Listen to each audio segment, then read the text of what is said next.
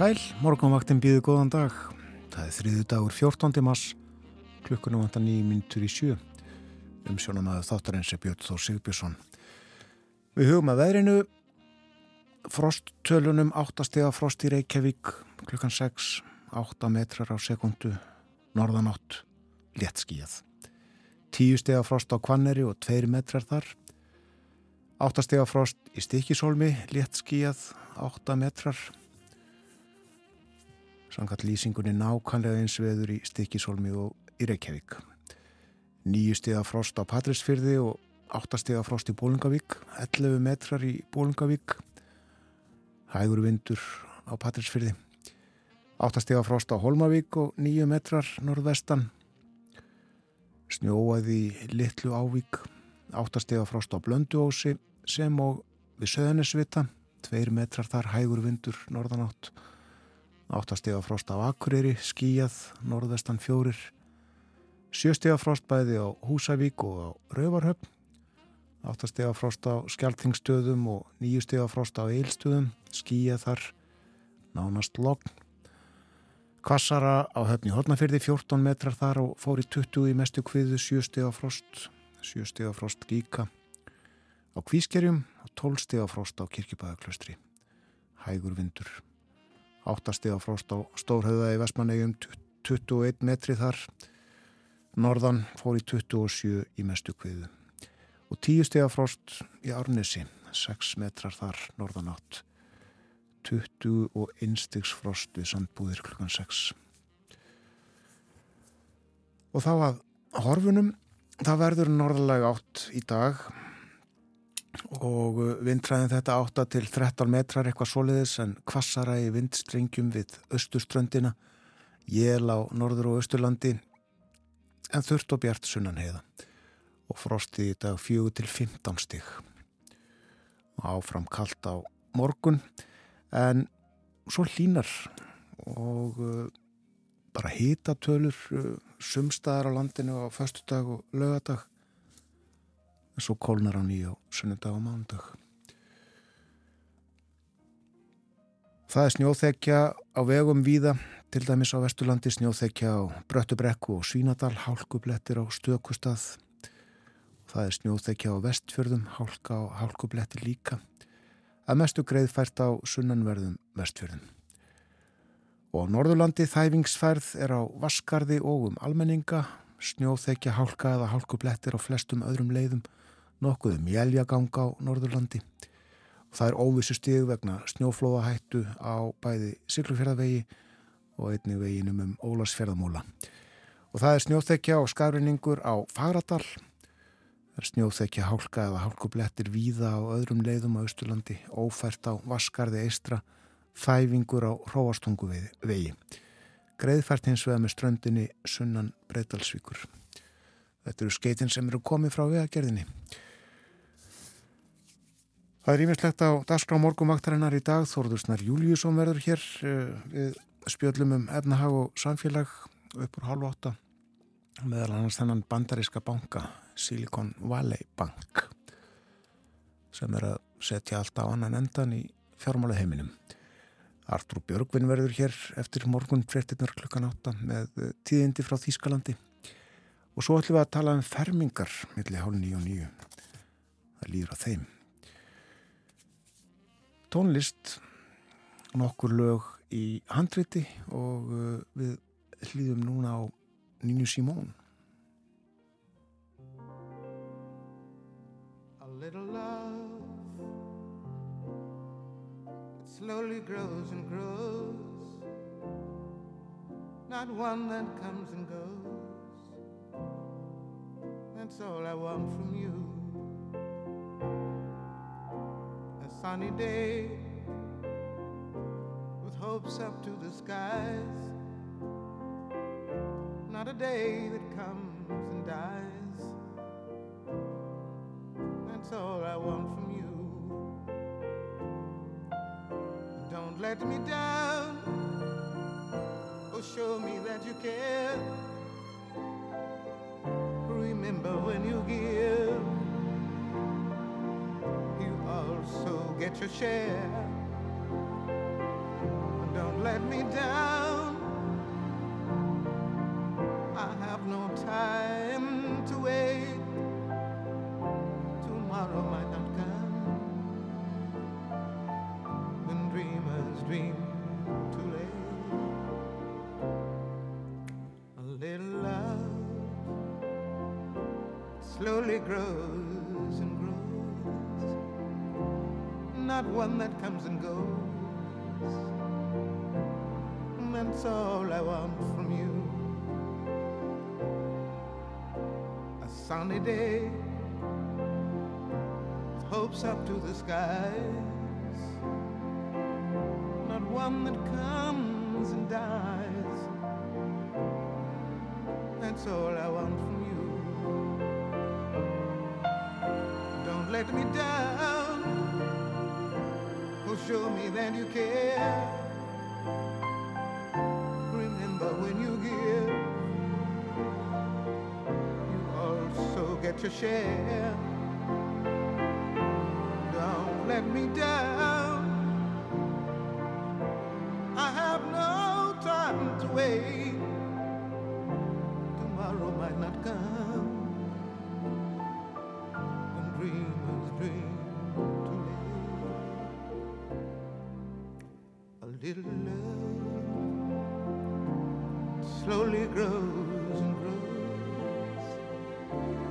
One that comes and goes. And that's all I want from you.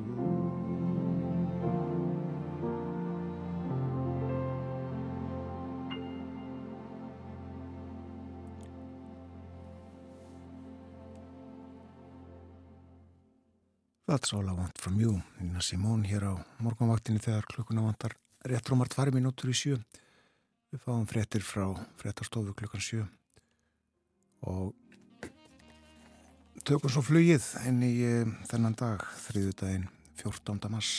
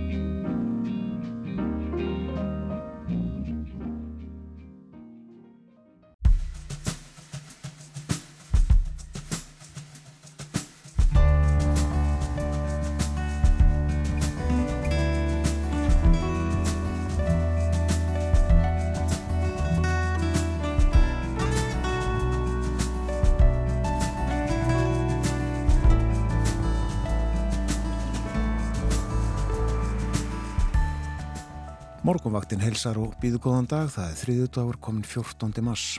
Þáttastjórnandi í dag er Björn Þór Sigbjörnsson.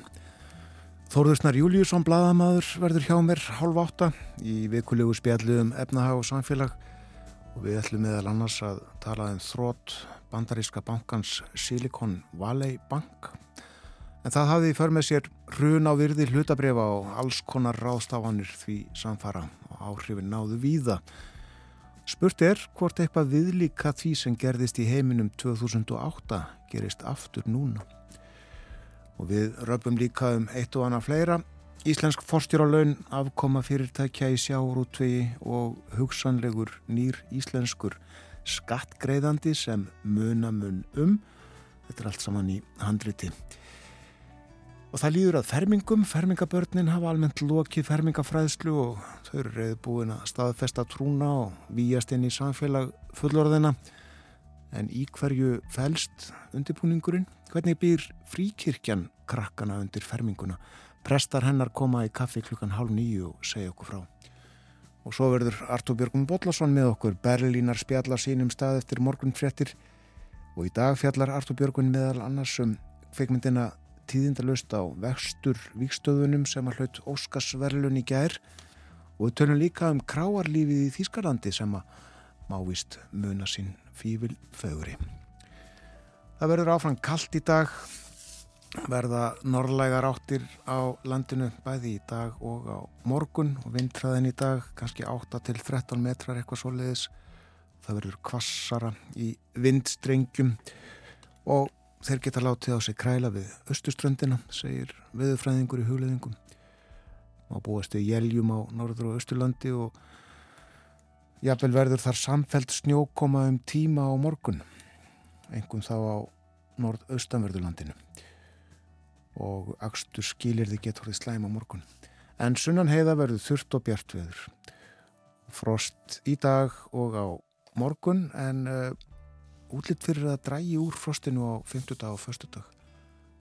Ég sé ekki betur á spákortinu en að það sé bara hita tölur rauðar fjórastega hiti sem staður á landinu á förstu daginn, miðan dag, eitthvað svo leiðis og líka á lögadag en svo vist að kólun aftur á sunnudag og mándag hugum að færðinni tilkýringar frá veðagerðinni eru eftirfarandi snjóþekjar og bröttubrekku og svínadal hálka á holtaverðuheiði og hálku blettir nokkuð víða á Vesturlandi og vestfyrðir snjóþekja hálka eða hálku blettir eru nokkuð víða þó greiðfært að mestu á sunnanverðum vestfjörðum Þæfingsfærðir á Vaskarði og um almenninga og uh, snjóþekja hálka eða hálkublettir víðast hvar á Norðurlandi. Það er nokkuð um jæljagang þar óvissu stígu vegna snjóflóðahættu á Siglufjörðavegi og veginum um Ólasfjörðamúla.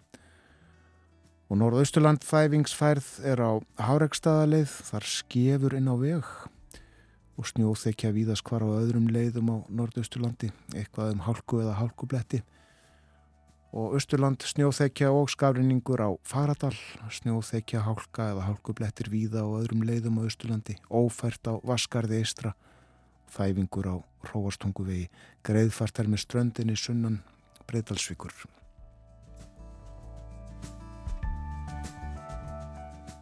Við lítum í blöðin og uh, tökum fyrst fram morgunblæðið og á fórsíðu má sjá sjómann berja klaka af aðalstinni Jónssoni S.U. sem að kom til Hafnar á Eskifyrði í gær með 2100 tonn af rognalóðnu. Þetta var á föstudag. Aflinn fegst á Faxaflóa og við Reykjanes. Og eftir 20 tíma siglingu til Eskifjörðar þurfti að berja nokkuð framan af skipinu til að hægt væri að binda það við bryggju. Og það setur á mann hroll þegar maður sér þessa mynd og hægt að segja það. Hér er eh, sagt frá rannsók sem að Þórhildur Haldóstóttir er lektor í Sálfræði við Háskólinni Reykjavík stóðað með eh, samstagsfólki. Könnuð var eh, andleg líðan ungmenna og áfengisneisla jáframt og komi ljós að 2020 eh, snemma í kórnuveri faraldrinum þá uh, jógst vannlíðan sérstaklega þunglindis inkenni en á heimbóin dróst vímuefna neysla saman þar að segja nótkun á síkaretum, rafrættum og áfengi segir Þórildur í samtali við morgumblæðið en uh, 2022 þá uh, komst hún og hennar fólk, samstagsfólk að því að meira bar á þunglindi og mannlíðan. Þetta voru orðið viðvarandi hjá uh, sömum en uh,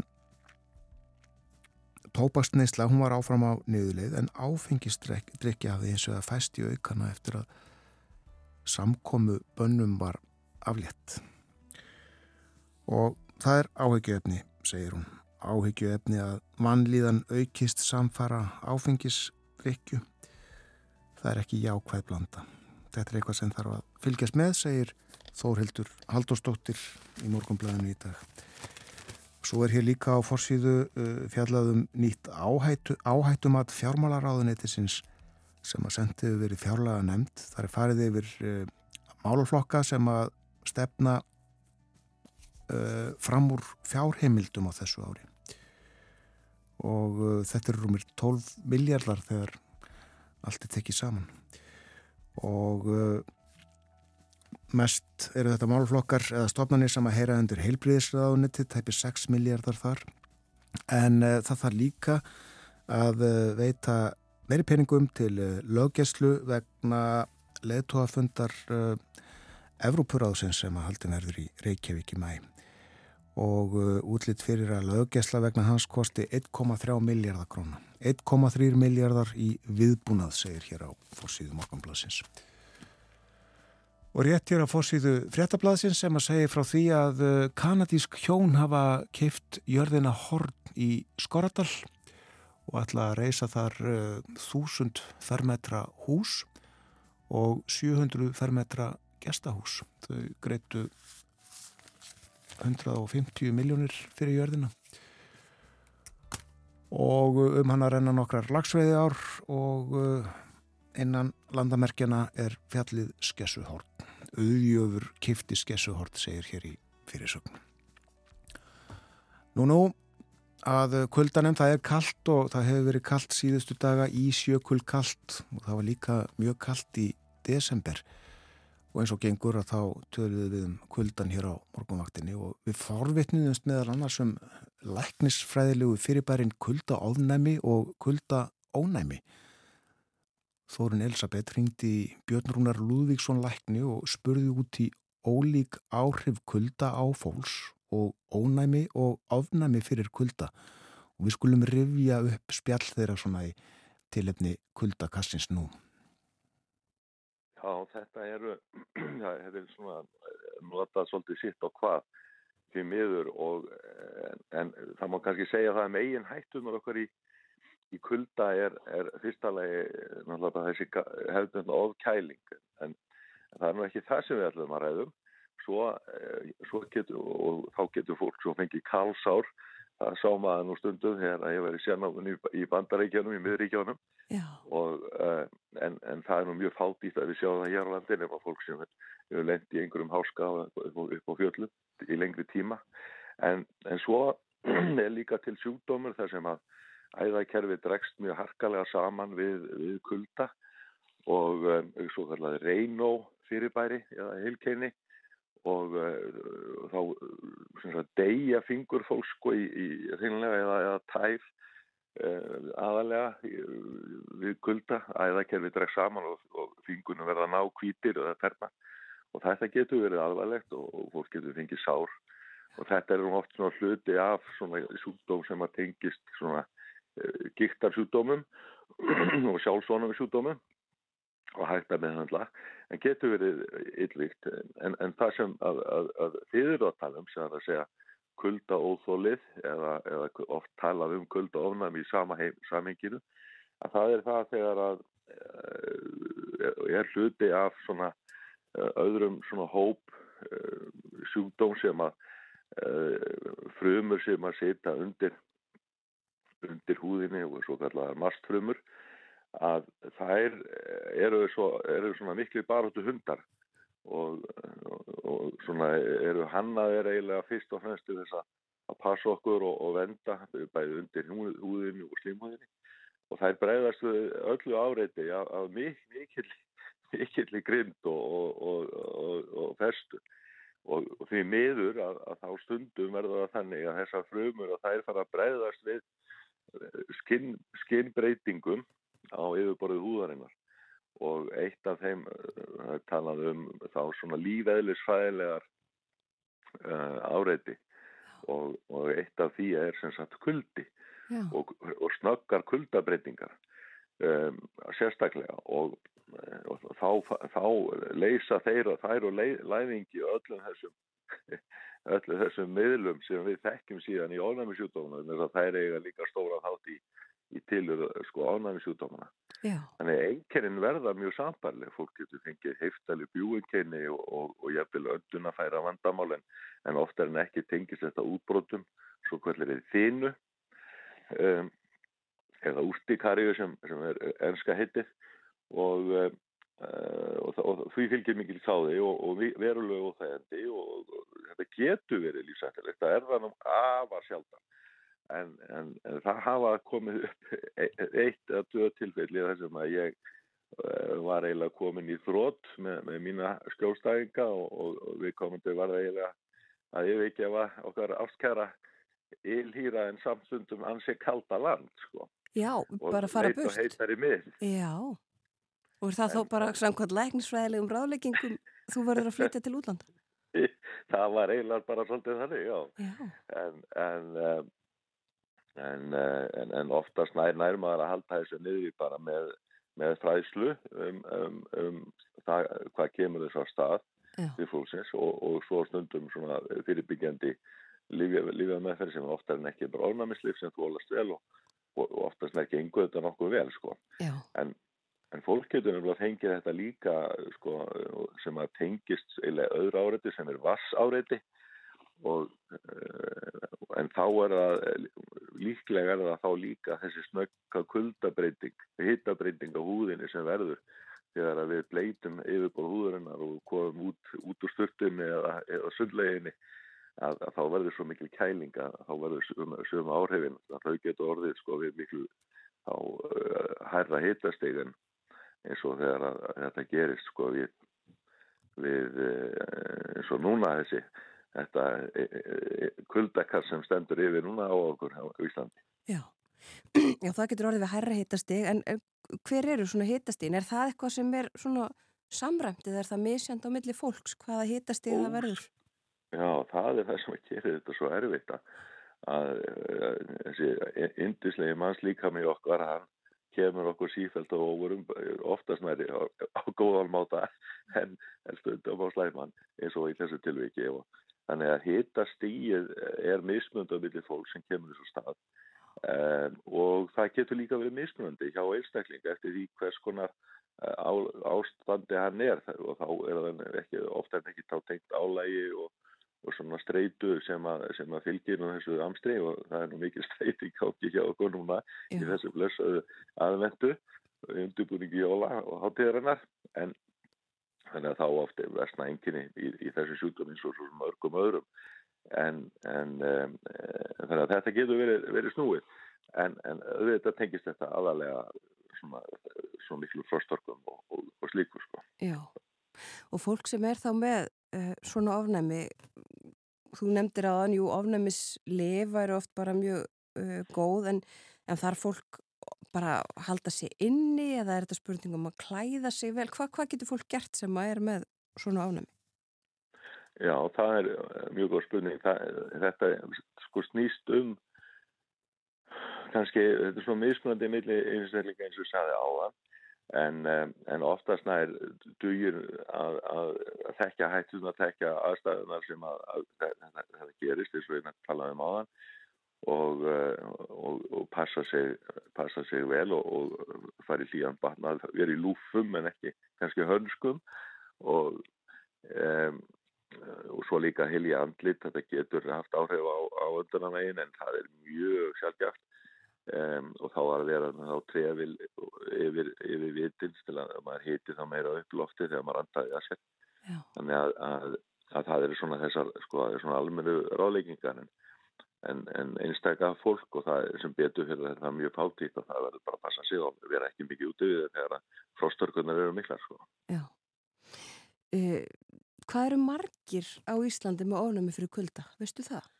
Nei, ég, það er ekki góð tala til um þetta en, en þessar, eh, sko, fína almennt, hún er svona einhverstar á bylunu svona 1-3% af þeim sem eru með, eh, sem viðvarandi ástand en, en það er mjög algengt að fólk fái svona þínu einhver tíman á lífsleginni og hlutfall eh, sko þessum lífælisfræðilegu þínu er, eh, er svona kannski svona 10-20% af, af, af sko, þeirri heildarmynd. Þannig að þetta er mjög fátítt sko.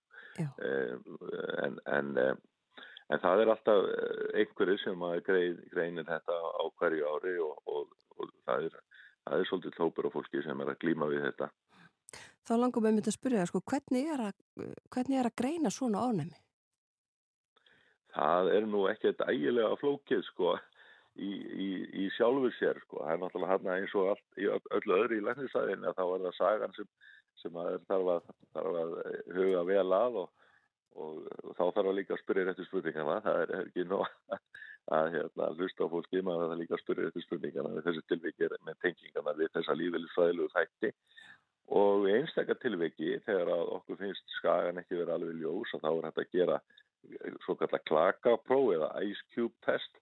Og þá setu hreinlega bara í, í, hérna, ís á, yfirborðu húðurinnar í, í, í nokkra mínútur og, og, og býðum og, sjáum svo hvað gerist að hvort að fólk fáið á, á þess, þess að þínu í kjölfæri en, en það er nú ekki oft sem við beitum því en það er af og til sem við, við notum það próf. Já og er vitað sko af hverju fólk fær þetta, sumt fólk fær þetta en annað ekki og er hægt að losna við þetta eða er þetta eitthvað sem fylgir fólki alltaf að ægla? Það er ekki góð þekking nákvæmlega til sko af hverju þetta byrjar. Þetta er samskipti sem, og það er nú eitt sem er mjög að það er alltaf að koma betur og betur í ljós að það er mikil samskipti á milli miðtöðakerfinsins og ónumiskerfinsins. Þannig að, að miðtöðakerfið er að senda ónumisvæðinu upplýsingar. Oftast nær til einn skoða og, og svo öfugt að ónumiskerfið er að senda miðtöðakerfinu upplýsingar og svo er nú reyndar þriði aðelin í, í þessu spili sem er nú enn en skemmtilegra er, er, er, er síklaflóran okkar. Að hún er þarna í þessum þrýhyrninga og, og, og allt þetta liðir er í miklum samskiptum alla daga og við vorum nú reyndar með uh, málþing og læknandöfum í, í, fyrir rúmlega rúma ári síðan þar sem, sem að við vorum meðal annars að tala um þessi samskipti. En, en, en þetta kemur svona þessu svari á stað. Þar að segja að það farast að þá eitthvað taug á bóð sem að þessa blessaða frumur miskilja svona herfilega og halda að það sé verið að senda skilabóðum um miklu af aðstæðandi hættu Já. og þá, þá bregðast þær við og, og, send, og fara að skjóta alveg hreint út öllum heimskotum sem að, sem að í, í búrið er að byrðabúrið er, að, er til og, og eitt af því eru þessi efni sem að valda síðan miklu sko bjúsöfnun í, í húðinni og í slímhúðinni sem veldur þessum þessum bjú og, og, og, og líka þá þessu kláði. Kláði er náttúrulega ekkit annað heldur en, heldur en sagt, afleiðing af losun efna sem þess að frumur setja frá sér út í yfirbróðurinnar og sem taugakerfi nefnur og gefur okkur þessa kláðatilfinningu. Yeah. Þannig að þetta vitum við, en við vitum ekki af hverju þetta fer sko úr skorðum nákvæmlega hjá sumun en ekki öllum. Það, það þekkjum við ekki nægilega vel. En, en, en það er svo að hafa, sko það er eitthvað að þessu tengist erðum en, en þó ekki, þó ekki hafa ekki mjög stert og það, það hefur verið, verið auðvitað bundið að tengja því svoleiðis sko. Já. Þess að gena áhrifum en, en ég er alveg samfærið það að, að það hafa auðvitað eitthvað með þetta að gera líka.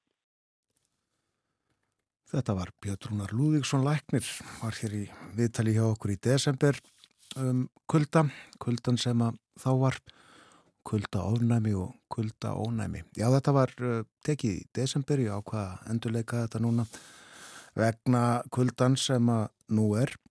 Hann uh, nefndi þarna aðeins uh, aðvenduna sem að þá var, jólinn framöndan, en rugglist ekki kæri hlustendur, það eru enn nýju mánuður til jóla rúmlega það, með að segja.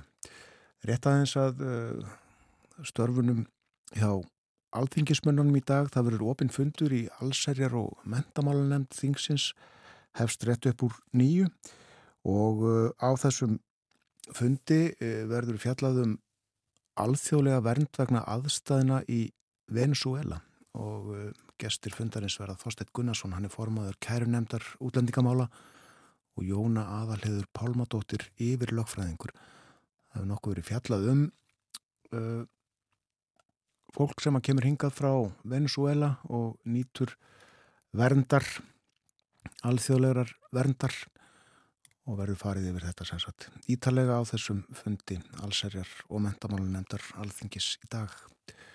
Fleiri nefndir þingsins funda fyrir háti og uh, þingfundur halv 11 hefur mann rétt. Og allir ríkistjórnir fundi ekki líka í dag, hún gerði það vennilega á þriðu dögum.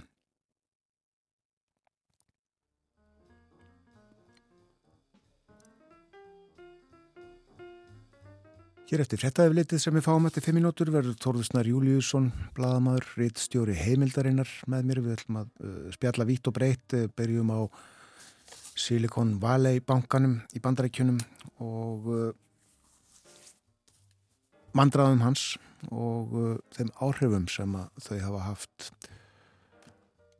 tegja sig víða. Ímislegt annað sem við ætlum líka reyna að komast yfir í spjalli okkar á eftir. Nú Artúr Björgvin Bodlason verður á sínum stað með Berlina spjalli eftir morgunfréttinar klukkan 8 og uh, svo er það fermingarnar framundan. Við ætlum að tala um uh, þær og fermingar undibúningin. Hinga koma Sigurvin Lárus Jónsson, prestur í Fríkirkjunni í Reykjavík, Margret Lilja Vilmundadóttir, prestur í Fríkirkjunni í Hafnafyrði og Kristín Erla Blöndal, tónlistakona við Fríkirkjurnar tvær. En uh, fréttaeflitið kemur hér eftir stuttastund.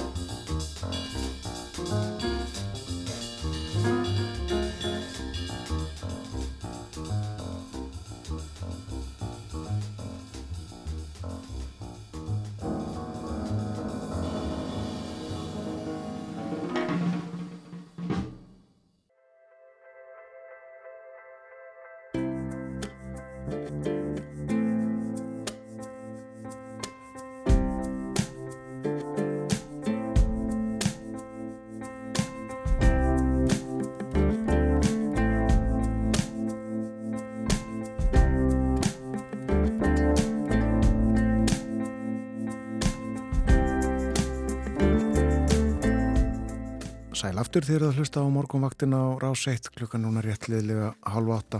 Það er þriðu dagur í dag 14. mars og það verður kallt í dag.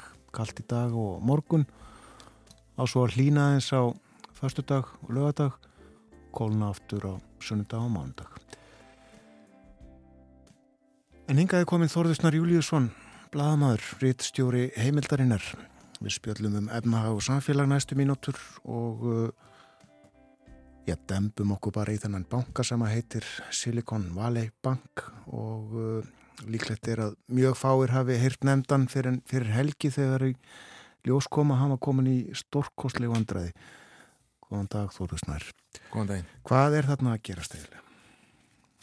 E, það sem þarna er að gerast er að, að þessi banki, Silicon Valley Bank, eins og kannski nafni gefið til kynna, e, var mjög önsveða mikill í því að þjónusta ymmiskonar tæknisbrota og, og lífteknisbrota og uh, þegar peningar voru mjög ódýrir, eh, sérstaklega hérna svona í gegnum koronavirufaraldunni 2020 og 2021 þá streymdu peningar úr eh, alls konar vísisjóðum og, og, og öðrum stórum fjárfæstum inn í slík fyrirtæki. Og þau eru þá með einhvers konar ja, flest öll með einhvers konar eh, langtíma áallunum, það hvernig þeir ætla að nota þá peninga til þess að verða á einhverjum tímpunkti arbær fyrirtæki sem skila hlutum sínum ávöxtun og fá þá fjármunni og, og leggja þá inn í banka eins og Silicon Valley Bank. Og um tíma voru uh, innstæður hjá þessum bankakonar yfir 200 miljardar dala uh, og þá er banki í þeirri stuðu að hann þarf að uh, ávaksta fjármununa sem hann fær inn með einhverjum hætti og það sem Silicon Valley Bank gerði meðal annars er það að kaupa mikið að ríkiskuldabröðum og svo breytast aðstæður hratt og við erum hérna í miklu verðbólgu umhverju og það er verið að hekka vexti mjög hratt. Og uh, umhverfi uh, þessara fyrirtækja sem voru að geima peningana sína hjá bankanum, það breytist líka mjög hratt það er uh, sannarlega ekki jafn auðvelt fyrir uh, spróta fyrirtæki í tækni og, og, og nýsköpunum gera fjármagnir sem nú og eins og var fyrir ekkit svo lengur síðan. Og þar að leiðandi eru þau að ganga á peningana sem þau geima í böngum uh, og það gerðist og Silicon Valley Bank lendi vandraði með það að eða svona áhættu stýringin hjá bankanum hún var ekki nógu vel úthugsuð þannig að þegar það kom uh, mikið að beinum um einlust á, á, hérna, á einegnum einstæðum, þá þurfti bankin að fara að selja skuldabref með afföllum og þegar hérna uh, hann var komin í vandræði lók síðustu viku, þá blasti við að hann myndi sannleik geta greitt út einstæður og þá fer sem fer. Og uh, bankin raunlega fellur. Uh, og það er auðvitað vekur alltaf aðtegli og, og, hérna, og sérstaklega vegna þess að við vitum alveg hvað gerðist hérna 2008 og 2009 í heiminum öllum. Og í bandaríkjónum fóru hundruði bankar sem fóru á, haust, á hausin á fjóra ára tímabili þarna, e, þarna í kringum þett, þessi ár og, og í kjölfarið.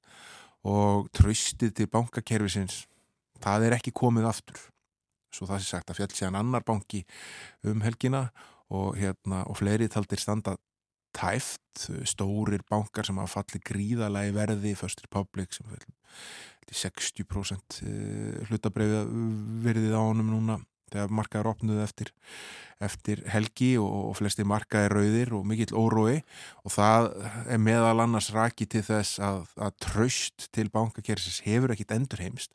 Þegar fólk og fjárfæstar sjá vísi af því sem gerðist hérna fyrir, já nú að verða 15 ára, 14-15 ára síðan þá uh, bregðast þið við uh, með það í vöðaminnu uh, en það er eins og margir hægfræðingar hafa ekki þrist að benda á á undanfötnum dögum það er ekkit sem bendi til svona kerfisleg skalla eða svona kerfislegar áhættu eins og var þá þá var þetta uh, undirlikjandi að hérna, hafa búið að búa til þessa skuldabriða vafninga hérna, með, með undirmálsfastegna lánum sem voru verðmyndin miklu herra uh, af, af mattsfyrirtækjunum en uh, raunveruleikin hefði átt að gefa til kynna.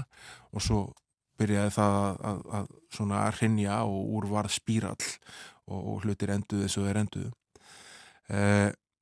en það verður mjög aðdeklisust að sjá hvernig málinn þróast núna næstu dag. Já, en er það ekki þannig að, að menn sem er að reyna að róa fólk, almenning og fjárfesta og aðra þeir tala núna nákvæmlega eins og tala var uh, í framaldi að falli Freddi Mack og, og Fanny May á sín tíma? Heldur betur, það er hérna uh, þarna heitur alveg naglan á höfuð, þetta, er, þetta hljómar mjög svipað Uh, og uh, þá auðvitað hafa ykkur ráðgjur á því að það sé kannski eitthvað undirlikjandi sem er ekki búið að koma auðu á uh, sem sé svona geti verið svona kerfislegt og haft viðfermari áhrif. En ég allan, það er allan að fyrir eitthvað fólk sem er með betri yfirsýn og insýn inn í þetta en mig að, að greina hvað það geti verið. Ég allan að hérna, sé það ekki eins og er. Nei. en Þetta er þetta líka bara aflegging af, af, af, af kerfi þar sem við höfum verið með uh, sko, ómikla skuldsettingu og ómikið óturum peningum í oflangan tíma uh, og, uh, og margir sem eru að hagnast einhverjum skuldsetningunni á því að færa til óturum peningana í staðin fyrir það að séu gerðar meiri kröfur um árangur Það segir líka sitt um alvarleika þessa og umfangað bandarækjafósiti áarpaði þjóðina. Það er auðvitað óunlegt og, og, og, og sínir einhverju liti alvarleikan uh, í því ástandi sem uh, hefur verið að skapast þarna uh, á síðustu dögum að bandarækjafósti þurfi að telja sér knúin að stíga fram og, segja við innstæðu eigundur, bara ekki hafa henni ráðgjur, innstæður ykkar eru tryggar þið munu alltaf geta fengið aðgangað ykkar fjármunum og uh, þetta er auðvitað eitthvað stef sem við könnumst líka við frá því fyrir ja, rúmum ja, 14-15 ára síðan. Já, og heimurinn er uh, samtengdur þegar viðskiptið eru annars vegar og þetta áhrifin tegja sig út um allan heim inn í kaupallir og víðar. Já, og svo eru auðvitað ímis áhrif sem kannski ekki blasa við en þau eru það að, að sko að að bandaríkin eru auðvitað fórusturíki í þessum samtengda vestræna líðveld, líðræðis kapitalíska heimi. Uh, og uh, þar hefur Sælabankin í bandaríkjónum verið að hækka vexti ansi skart. Uh, þær vaksta hækkanir gera það verkum að meðal annars að Silicon Valley Bank þurft að vera að selja skuldabriði sín með afföllum það sem ástofnum kom nefið nafnvexti og hérna uh, og það er alveg mittla bólaleggingar um það núna að Sælabankin í bandarækjunum munir frá að hæja á því vaksta hækkunaferðli vegna þess að bankar séu komin í vandræði sko. þannig að hérna og það mun hafa áhrif annar staðar líka vegna þess að ég segi svona, er oft hort til Sælabanka bandarækjana um það að vera sá sem slær tónin í þessum efnum Já og uh, verði hlutabriða lækkaði hér í gæri það ekki? Jú, það var alltaf rétt hér í gæri. Og þessu kentum að einhverju leiti? Já, þetta er uh, svona kannski sínilegasta uh, ástæðan að þetta sé afleitt áhrif af, af því sem hefur verið að gerast í bandarækjónum. Það er ekkit annað einhvern veginn fyrirlikjandi uh, sem er að gerast hér og Íslandi sem á að leiða af sér svona heldræna lækun og hlutabriðum í kaupöll. Uh, þannig að hérna ég held að það sé það blasir við að, að, að, að þetta sé helsta ástæða. Já, en bussið frá uh, fallið þessa bank, banka, uh, Silikon Valley bankans og, og svo Signature og mögulega fleiri að þá hefur þetta umhverfi sem að nú er mikil áhrif á sprótafyrirtæki, er það ekki, og nýsköpunafyrirtæki? Jú, og þetta er auðvitað mun meira krefjandi að fá fjármagn eða fjármagna uh, uppbyggingu. Það er eiginlega á að segja sér sjálft að, að, að þegar þú ert með uh, hugmynd sem er ekki farin að abla tekna uh, þá kostar oft umtalsverða fjármunni að koma henni á þann stað að hún geti fara að gera slíkt eða allavega nægilega mikill að tekna til þess að stand undir kostnaði og, og arsemiskröfum uh, fjárfesta og svo framvegis uh, og uh, þegar peningar eru mjög ódýrir, vextir eru mjög lágir, þá uh, eðlilega kannski flæða meiri fjármunir inn í slík verkefni. Uh, og það er svona minni áhætta uh, fólkin í því að setja ódýra peninga í, í, í svona há áhættu uh, hugmyndir sem gætu mögulega skila miklu marði en gætu líka bara tapast.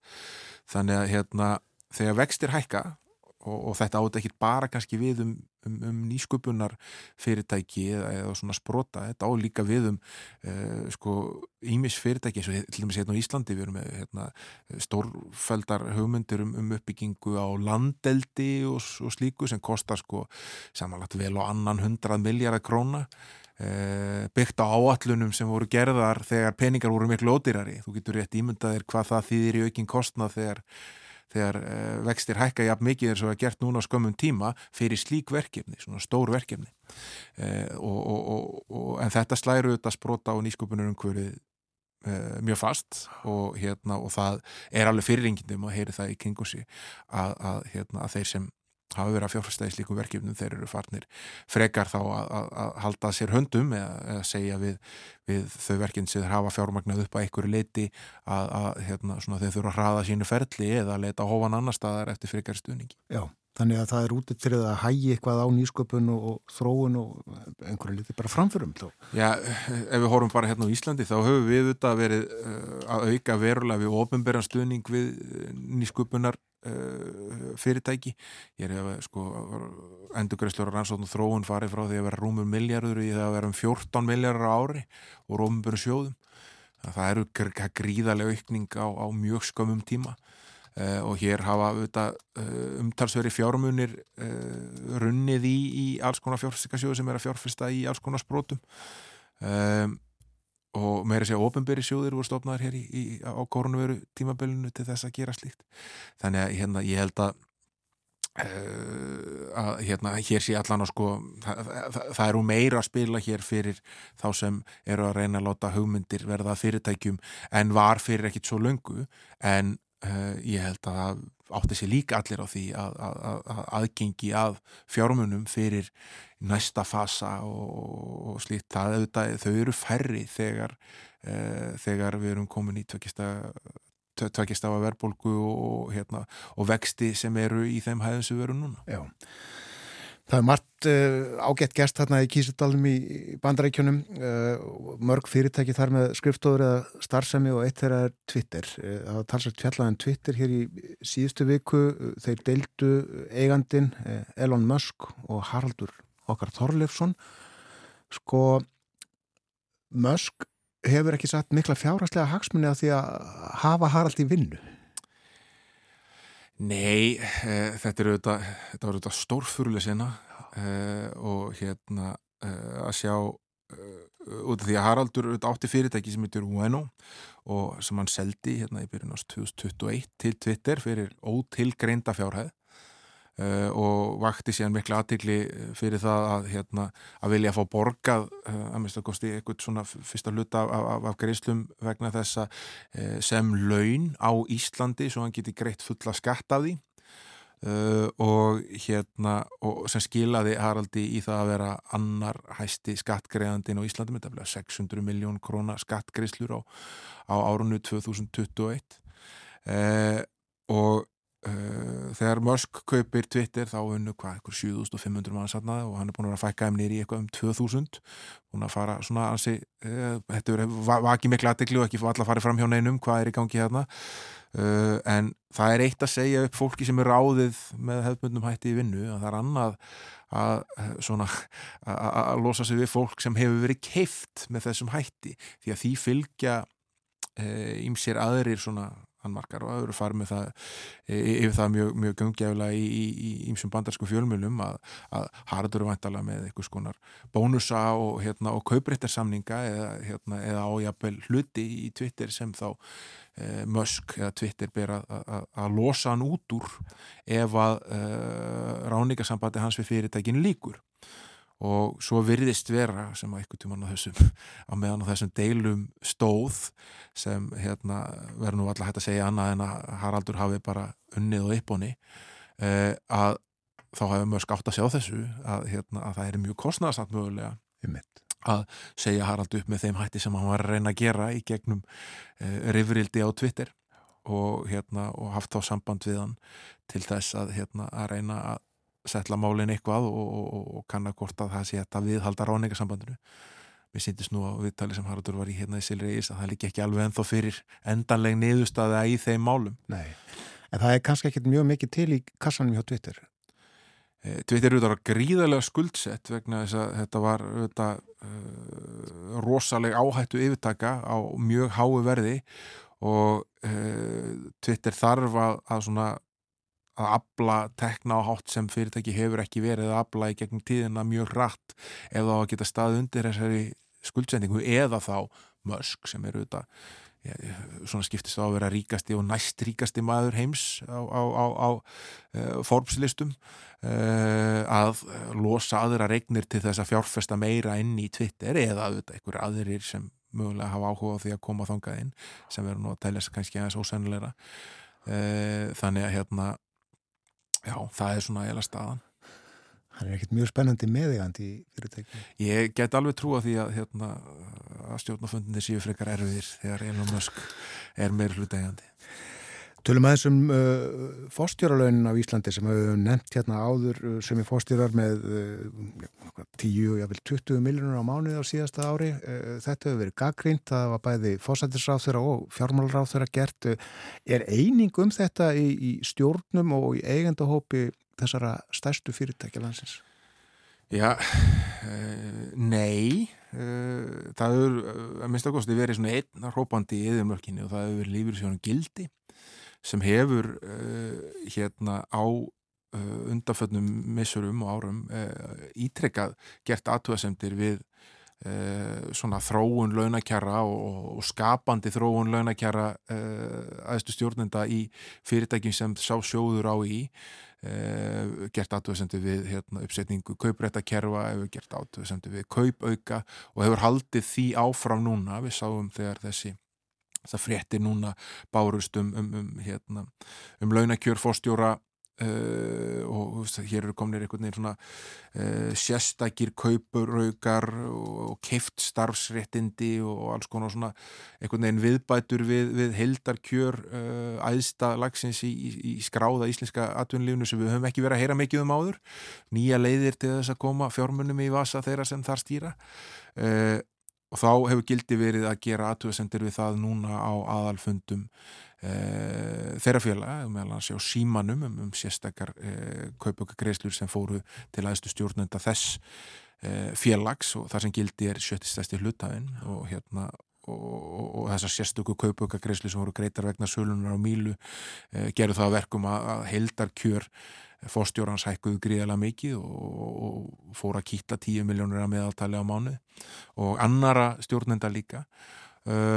Þannig að það er en það vekur auðvitað líka aðegli að gildir einna þessum þremur stóru lífyrsjóðum með lífyrsjóðu Vestlunumanna og lífyrsjóðu starfsmannaríkisins að það séu ekki fleiri innan lífyrsjóðu kervisins sem eru að standa upp og, og láta í sér heyra vegna þessa og þetta hefur þetta líka var ekki tórtrygnina verkælsreyfingarnar sem er nátengt þessum lífyrsjóðum uh, um það að hérna að lífyrsjóðunni séu frekar að stilla sér upp með með uh, fjármála uh, kerfinu en að hérna, fjármála fjárhastíkakerfinu en að standa með, með, með, alþýðinni sem þó áðá Eh,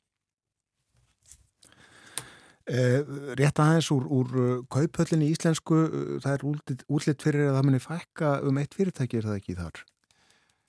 Já, það mun fækkum eitt og svo kannski kemur eitt í staðina mest að kosti. Hampiðan hefur nú verið í að því að, að þeir ætla að leitast eftir skráningu á aðalmarkað, Já.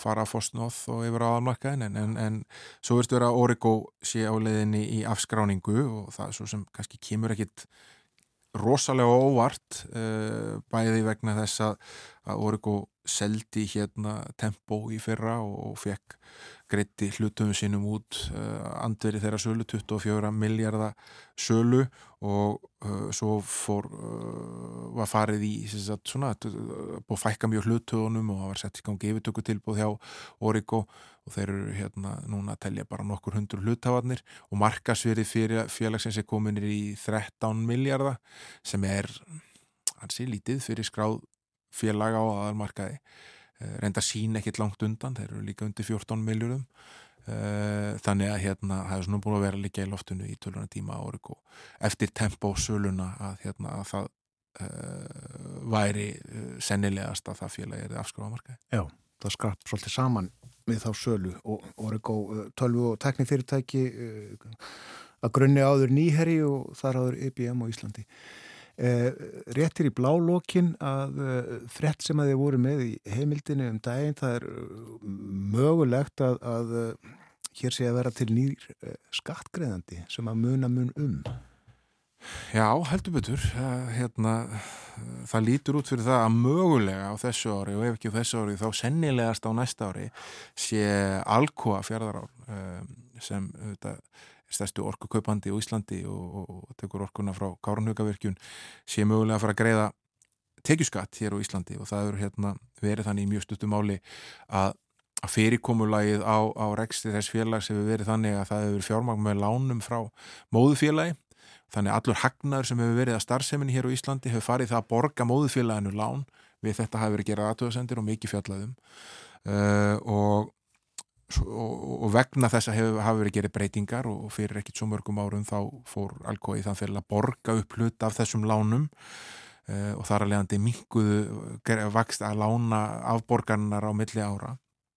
Og nú svo komið að, hérna, að þeir eru búin að gefa til kynna að það sé mögulegt að, að, að Alcoa verði skattgreðandi hér á Íslandi, tekjuskattsgreðandi á Íslandi í fyrsta sinn eh, núna árinu 2023 og það mun heldur betur eh, muna um það. Þetta eh, er þetta risastórt fyrirtæki með gríðarleg umsvið og eh, gæti orðið eh, einna stæstu skattgreðendum á Íslandi ef að eh, ef ekki svo stæsti, ef að uh, svona eðlilegt uh, umhverfi skapast í kringum uh, tekjuskattsgariðslur þess. Kemur örgulega mörgum óvart að heyra að þetta fyrirtæki hef ekki greitt tekjuskatt fyrr á Íslandi. Já, samt sem áður hefur nú verið tölvert fjallað um það allan þann tíma sem he hefur liðið frá því að þeir gerðu sína samninga um alls konar ívilnanir hér hérna í upphafið þessar aldar. Og var það vitað uh, fyrirfram að, félagi myndi búa svona núta að þurfti ekki að greiða tekjuskatt?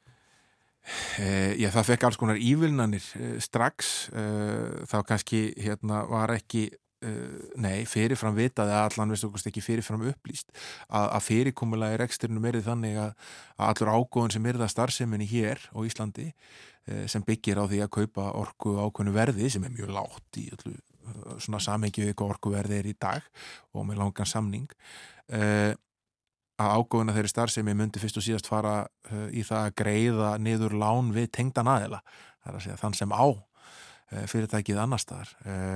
Það eru auðvitað hérna, tilfæsla ég held að allir geti verið sammálum um það að hérna er ekki raunveruleg lánastarfsemi í gangi þegar þú ert að, að, þú ert að borga sjálföður Uh, lána afborganir uh, af láni sem þú veitir til þess að byggja ykkur að versmiðu og rekana.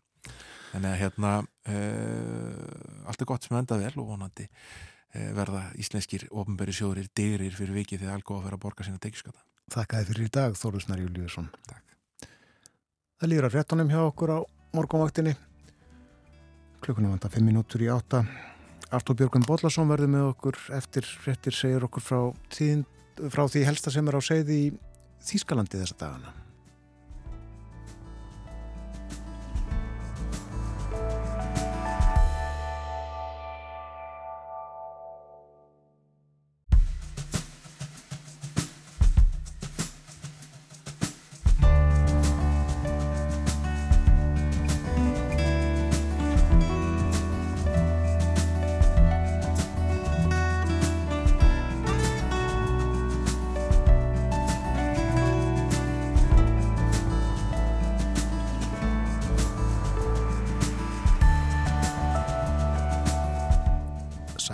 Þið eruð að hlusta á morgunvaktin á rás 1, klukkan farin að ganga nýju, 6 mínútur gengin í nýju. Það er þriðu dagur í dag, 14. mars.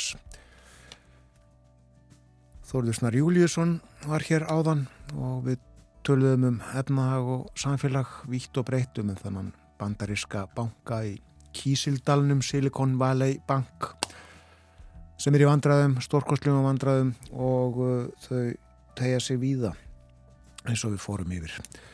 Töluðum líka um ímislegt fleira.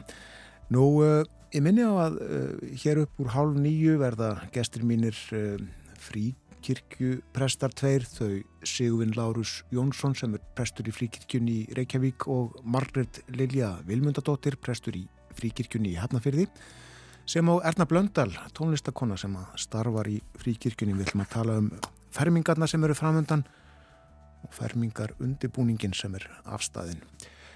En uh, nú erum við komin í samband við Artur Björgvin Bodlason og við ætlum að fara yfir þýskmáleitni hér næstu mínútur. Heil og sæl, góðan dag. Góðan daginn. Við ætlum að tala um ímislegt, við ætlum að tala um uh, kráarmenningu á eftir og uh, kvikmyndina þýsku tíðindalöst á Vesturvíkstöðunum. Hún hlut Óskarsverlunin í fyrir nótt. En uh, fyrst að eh, umhverfismálum, umhverfisvernd, uh, baráttu aðferðum umdeildum fyrir uh, umhverfinu. Til er hópur er það ekki sem að nefnist síðasta kynsluðin? jú, það er rétt og það hefur staðið mikið styrjum þennan hóp og bara áttu aðferðir hans síðustu misserinn má segja því að það er aðferðir sem að síðasta kynsluðin hefur notað í sinni baráttu hafa verið mjög umdildar og uh, mörgum hefur til dæmis blöskrað að, að fulltrúar hennar skurði óvirða heimsþekkt listaverk með því að skvetta á þau kartöflustöplu eins og þau delðu til dæmis með málverk eftir impressionistan Claude Monet á, á Barberini-safninu í Potsdam í oktober í fyrra. Og eftir að hafa makað kartöflustöpunu á málverki þá krupu allir að sinnandi tveir kall og kona fyrir framann myndina og konan hópaði Við erum í miðri loftslagskrepp og það eina sem þið hafa áhyggjur af er tómatsúpa eða kartaflustappa á málverkum. Og með tilvísun til tómatsúpunar þá var hún að tala um það þegar að tvær skoðanarsýstur hennar skvettu svoleiði súpu á málverk eftir Vincent van Gogh í ríkislistasafninu í London nokkum tögum fyrr. En mest að greimju vætti nú það þegar að nokkrir loftslagsaldera sinnar slettur svartri málningu á glervegg fyrir utan þinghúsið í Berlín þar sem að hægt er að lesa nokkur grundvallra atriðið úr þýsku stjórnarskanni og svo alder fór afar illa í, í þýskan almenning má segja og ekki bara almenning heldur líka ímsa framámenni þýskum stjórnmálum. Og þannig let til dæmis fóristum aður stjórnaranstöðunar Frídrík Merz formaður Kristileira hafa eftir sér að hann vildi helst sjá allt þetta fólk á bakveg lás og slá. Já, það er svo leiðis. Það er ekki dörri. Svo Andriðar Sjógir sem er nú fyrir um ráð þeirri í Ríkistótt Merkel og fulltrúi Kristilega bandalagsins í Bæjarlandi, hann bætti um betur með því að kalla þessa mótmælundur lofslags glæbamenn eða lofslags bóa, klímakriminelli, hvorki meirinni minn og, og að þóttu nú, voru nú margir þingmenn ekki alveg sáttir við þennan munnsöfnuð og vörðu við því að, að gera þessa róttæku eða líta þessa róttæku aðgjörða sinna sem hverju er ótínda glæbaminn og, og margir stjórnmálamenn þeir heldur því fram að þeir eru sjálfur að skilja að þessu unga fólki væri full alvara með þessum aðgjörðum það hafi raunverulega, fólk hafi raunverulega ágjörða því að, að velferð plánetunar okkar sé í húfi og sé hættu og þess vegna sé það að nota þessar aukafullu aðferðir svona sem neyðar brauð til þess að stugga við bæði stjórnmálamannum og öðrum sem að láta sér þetta mál varða. Og en hvað sem að líður nú álítið fólks á þessum aðgerðum líkum þá verðast yfirleitt stjórnmálamenn hér og sjálfsagt við annars það gerir sig grein fyrir því að að loftslagsváinn hún vofir yfir mannkinu og og eins og þessi, þetta unga fólk bendur á þá getur hún valdið óbætalegum spjöllum ef ekkert er aðeins gert. Og það er líka ljóst, svo við horfum bara í hengalli þýskanans, að því stjórnvöld verða að taka sig verulega á og það viðkenna margir sem situr hér á hingi ef að þau ætli að standa við þau fyrirheit um átaki lofslagsmálum sem að er talað um í stjórnarsáttmála þeirra ríkistjórnar sem nú situr. Og og stjórnvöldi í Þískalandir er ekki, ekki einu stjórnvöldin í Európu sem þurfa að gefa sér ærlega nikk til þess að standa við þessu mál. Og, og það gildir jú mörg önnur lönd og það er, það er hins vegar annað sem er áhugavert og þjóðverðir eru nú miklir uh, heimsbyggingar og uh, eiga ekki langa heimsbyggi hefð og þeir fara þetta strax að grubla í því þegar svona gerist.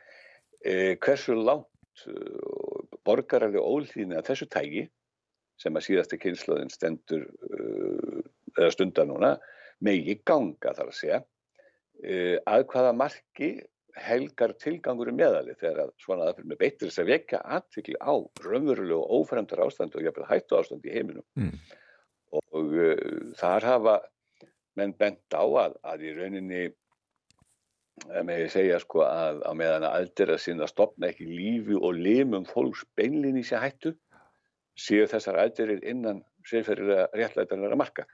Og aðrir haldaði fram að, að það séu oflátt gengið og ekki réttlætanlegt ef, ef að fólk með þessar skoðanir sem að séu vissulega skiljanlegar fyrir að sína menningarvirmætum og jáfnveil heimslistaverkum og óvirðingu. Í talunum um þýsku stjórnarskani eða trubla daglegt líf samborgara sinna til dæmis með því að líma sig fast við stórar umferðagötur og umferðað elmis og margótt hefur gert í Bellín og, og menn fara svo að rifja upp svona bygginga eins og Henry David Thoreau þann ameríska sem að skrifaði nú viðfræða grein sem að margir kannast við um borgaralega ólýðni og svona veltaði fyrir sig hvort að já, almennt svona hversu langt niður í gangi þessum málum. En þetta er semst að Þetta er mikið hittamál hér eins og gefur að skilja. Já, akkurat. Það er nef nefnum það að, að þau einmitt síndu þessum tiltaknum listaverkum bara uh, óvirðingu, þau eigðurluðust ekki, þau voru varnir það ekki með einhverjum glerplötum. Jú, þetta voru glerplötur sem Já. voru varðar þannig að, að þetta var ekki uh, neina óvirðing og það sem að, það sem þetta var auðvitað óvirðingi, þetta var ekki skemmt, ekki varðarlega spjöld og það er annar líka dæmis með, með þessar svörstu málingaslettur sem að uh, voru settar á á þess að þennan glervegg í Berlín, mm. við þingúsinn í Berlín, að þá eh, kom nú í ljós að þetta var ekki óljumálning eins og mann hefði haldið, heldur verður þetta bara einhvers konar meðlegislega vastlítir sem að var þetta þó bara auðvitað af glerinu, þannig að þetta er svona, þau eru, segja þau, ekki að skemma menningarverðmætti, heldur einhverjum bara að, að hrefa við fólki og vekja aðdikla málstæðanum. Akkurat. En uh, heiti þessara hreyfingar uh, dramatístöðu tóta fyrir sig síðasta kynsluðin. Já, já. En, og kannski hafaðu eitthvað til síðan máls. Já. Þá ætlum við að tala um þessa kvikmynd tíðindalust á Vestuvíkstöðunum. Já, það er nú eh, söguleg tíðindi hér í Þískalandi og menn hafa fagnat gríðarlega. Þetta er bara eins og Íslandinga myndur vinna sengvæketti Európa-stöðu, eitthvað svolítið, stemningi sem hefur verið hér ríkjandi eftir að þessi ágættu mynd, eh, tíðindaresta vextu viðstöðunum, eh, vann til hvorki meirinn minn en ferðnar á Óskarsfæluna í fyrirnótt eh, í, í, í Bandaríkjónum og það er nú ekki á hverju degi sem að þísk kvikmynd nýtur slíkara hilli, það verður aldrei gert áður. Og hún var náttúrulega tilnæmt til Óskarsfælunana, aðalfælunana og það út af fyrir sig þótti nú ekki lítið mál. En svo var hún valin besta elvendakveikmyndin og bætti við þessi þrennum öðrum Óskarsvælunum til viðbútar og uh, þetta er enda alls ekki fyrsta kveikmyndi sem við gerðum eftir sögu Erís eh, Maria Remark uh, því að nýtt snóið sem vestni eins og hann heitir á hlumálunu því að svo fyrsta var hann gerð af bandarískum uh, kveikmyndaleikstjóra Louis Milestone árið 1930 og hún var bönnuð hér í Þýskalandi. Þetta er ákvæmlega merkjuleg saga Hún nazistar bönnuði hana, hún þótti afskaplega óþjóðuleg og, og er í, í mark rættist nú endarum á landi, var hendur líka í bandaríkjunum og, og í Sviss líka eða með rétt og, og en þá var verið að veita þessi velun í bandaríkjunum 1930 í annað sinn sem er nú heita Óskarsvelun, ég held að hún ekki heiti það þá en uh, þá fekk hún líka, var hún valin besta myndi þar. Þetta er í annað sinn sem þessi mynd vinnust til þessari vennuna og það, menn hafa nú veltið fyrir sér áhverju er þessi mynd allt í einu svona vinsæl e, og nýtur svona mikil að hilli hjá bandarísku kveimundakademíunni og sumir hafa bent á að það sé nú kannski já, segjum svona ákveðin praktísk ástæði fyrir því því að myndin hún hefur verið á Netflix, þetta er Netflix mynd og þess vegna hefur hún alltaf fengið miklu eða hún hefur fengið miklu meira aðtikli vestanhafs heldur, heldur en venjan er um, um þíska myndir þessu dagi og svo er það auðvitað tíðarandin sem sjálfsagt ræður einhverju hefur leikstjórin eh, alltaf bent á það að, að hann eh, hafi ekki verið að eh, sko, hann gerir myndin algjörlega óháðu þetta í krænustíðinu það var ekki byrjað þegar þess, þessi mynd að gerð. En eh, Edvard Berger leikstjóri hann hefur bent á það að að myndin hafi ekki í sínum huga neitt eh, pólitískan bóðskap í sjálfu sér. En auðvitað kemur hún inn í landslag sem er alveg gjör breytt frá því sem var áður og eftir að þetta stöði í Ukraínu hóst þannig að það hefur auðvitað haft sitt að segja. En þetta er mjög merkilegt uh, merkileg saga. Þetta er uh, sko ekki bara kvikmyndin heldur sagan þetta er Eirís Marja Remark hann skrifaði nafni sitt nú á árum áður uppalega með K í endan nú sjáum við þetta QUE í endan eh, það var, það gerðan hann breytti nafnum sínu setna til þess að eh, vekja aðtikla á frönskum upprönda sínum, þetta langafann sem við frakkið ykkur rétt með og Marja hétta nú heldur ekki til að byrja með því að það var nú óður til móðurinnar, hann tók upp nafnið hennar, Maríu. Fallegt. En uh, þetta er auðvitað róttekst viðstáttil og það er svolítið merkilegt þessi bók að þýtta á sínum tíma af mjög merkum manni, Byrni Fransinni á íslensku. Og uh, hún á sér langa sögu í Íslandaríka. Það er á langt maður að fara yfir það. Björn Fransson var þetta merkustu starfræðingum okkar á síðustu aldar á Íslandi, skaplega merkilegu maður og frábæð kennir, hann kendi mér og starfræði í rungu drengu þó aftur að mér hjá því að það var mikil stillingu þá, en uh, hann var merkus maður og, og, og þá fór þessi bók á kreik og, og hérna, en þetta eru sem sagt tímamót í kvikmyndasögu Þískalands að uh, Þískmynd fái svona, þetta er svona mikil hilli í Hollywood. Já, akkurat. Og þjóðverðar auðvitað ánæður, gladir. Já, þeir fagnar mikið og ég skilt það var nú viðtali í gerðkvöldi í sjónarpunni við við leikstjórnuna, hann bara þess mekki að hafa ekki svoðið úr í dáltum tíma. Eða skreppa eins á krána í lokin? Já, það fyrir nú hverja verða síðastur ef að marka má þau tíðindir sem berast úr kráar heimum því að faraldurinn var auðvitað, heims faraldurinn mikið róttök fyrir þessar hefðbundnu þýsku krár eins og veitingastaði og allar slíka öll verðsúsi við leitt bæði hér og annar staðar. En áður en að þessi óskup dundi yfir, þá voru nú frískar krár, svona hefðbundnar krár þessa, die, die knæbi andir ekki þeirra segja, svona hortkrár eins og kallaða hverfiskrár, það er að fækka tölunni og, og ástæðan er nú meðan annars svo að þjóðfélags aðstæður hafa bara verið að breytast hér á síðustu árum, því að hér fyrir á dögum að, að þá voru krátnar svona atkvarf, dæmikert atkvarf verkamanna og vinnandi manna sem voru að koma heim úr vinnunum og liftu svona í geðunum með því að fá sér brjóstbyrtu áður en þeir fóru heim í kvöldmættin og svo hafa þessa králsti skamstíma gengt ákvæðlega um það eru fólk samáli hér með, með mikilvægur svona félagslegu hlutverki. Hérna hefur allþjóðu fólk komið saman til þess að skiptast á skoðunum og, og tala saman um trúnaði, svona í trúnaði um öll sín hérstansmál og veitingakonur hafa, eru merkur kapitúli út af fyrir því, því skal grafarsögu og það er hafa mikið gengt hlutverki sálu sorgara. En unga kynnslóðin, hún hefur ekkert sérstaklega áhuga fyrir þessari tegunda aðfreyningu lengur.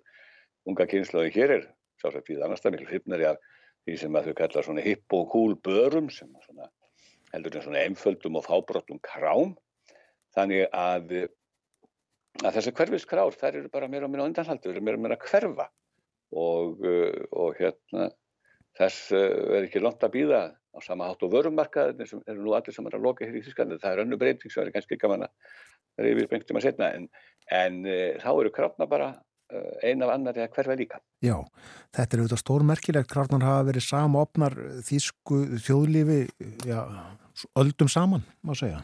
Ná, þetta er margar aldir. Þannig að þetta er ákvæmlega mikil breyting á þjóðlífinu sem þetta er að verða. Já, og einhverju gráta það líklega? Ó já, þeir eru margir sem gráta það og uh, ekki að ósíkju.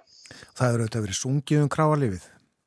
Ó já, mikið. Mm. Og það er þetta margir uh, kráarsöngar og kannski eitt svona sem er nú með uh, mestur ángurvarð og ángurvarðastur svona er söngur sem að það er Abraham samtíð á sínum tíma. Hann var hollenskur og mér skilst að hans í höfundur uh, sönguana um strumpana ef ég þekki það rétt.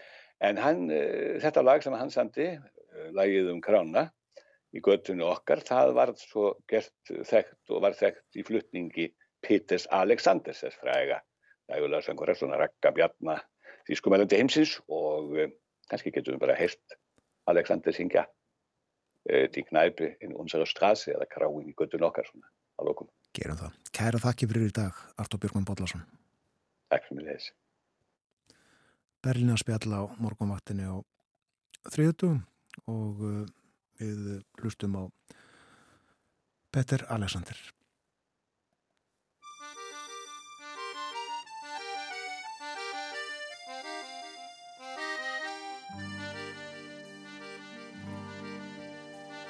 Der Abend senkt sich auf die Dächer der Vorstadt, die Kinder am Hof müssen heim. Die Krämersfrau fegt das Trottoir vor dem Laden, ihr Mann trägt die Obstkisten rein. Der Tag ist vorüber, die Menschen sind müde, doch viele gehen nicht gleich nach Haus. Denn drüben klingt aus einer offenen Türe Musik auf den Gehsteig hinaus.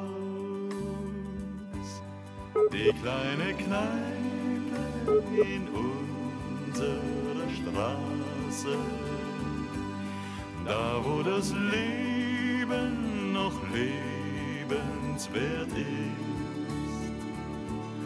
Dort in der Kneipe in unserer Straße, da fragt dich keiner, was du hast oder bist.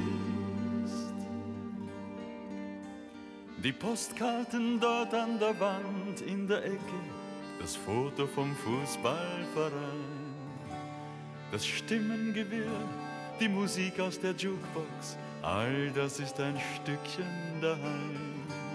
Du wirfst eine Mark in den Münzautomaten, schaust anderen beim Kartenspiel zu und stehst mit dem Pilz in der Hand an der Theke und bist gleich mit jedem per Du. Die kleine Kneipe in unserer Straße, da wo das Leben noch lebenswert ist, dort in der Kneipe in unserer Straße, da fragt dich keiner, was du hast oder bist. Man redet sich heiß und spricht sich von der Seele, was einem die Laune vergeht. Bei Korn und bei Bier findet mancher die Lösung für alle Probleme der Welt. Wer Hunger hat, der bestellt Würstchen mit Kraut, weil es andere Speisen nicht gibt. Die Rechnung, die steht auf dem Bierdeckel drauf, doch beim Wirt hier hat jeder Kredit.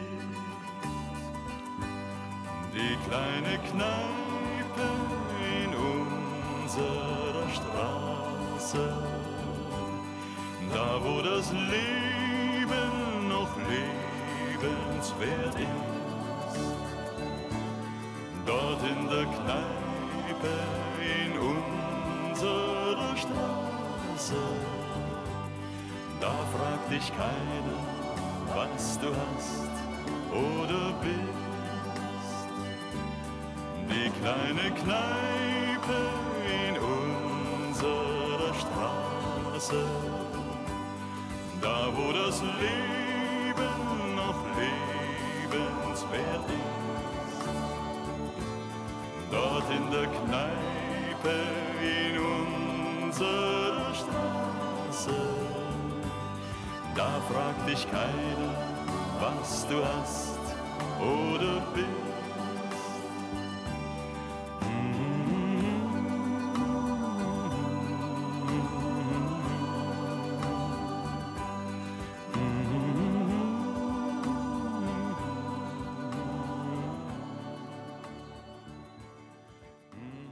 Peter Alexander, Die klæni knæpi, litla knæpan í götinu okkar, sungið um kráarlíf. Ég stóð sjálf með því að rugga mér svona í sætinu. Það var þannig lag. Artur Björgvin Valdi eftir eh, Berlínarspjallið í dag. Framöndan fréttaði við lit, svo tölum við um fermingar og fermingafræðslu.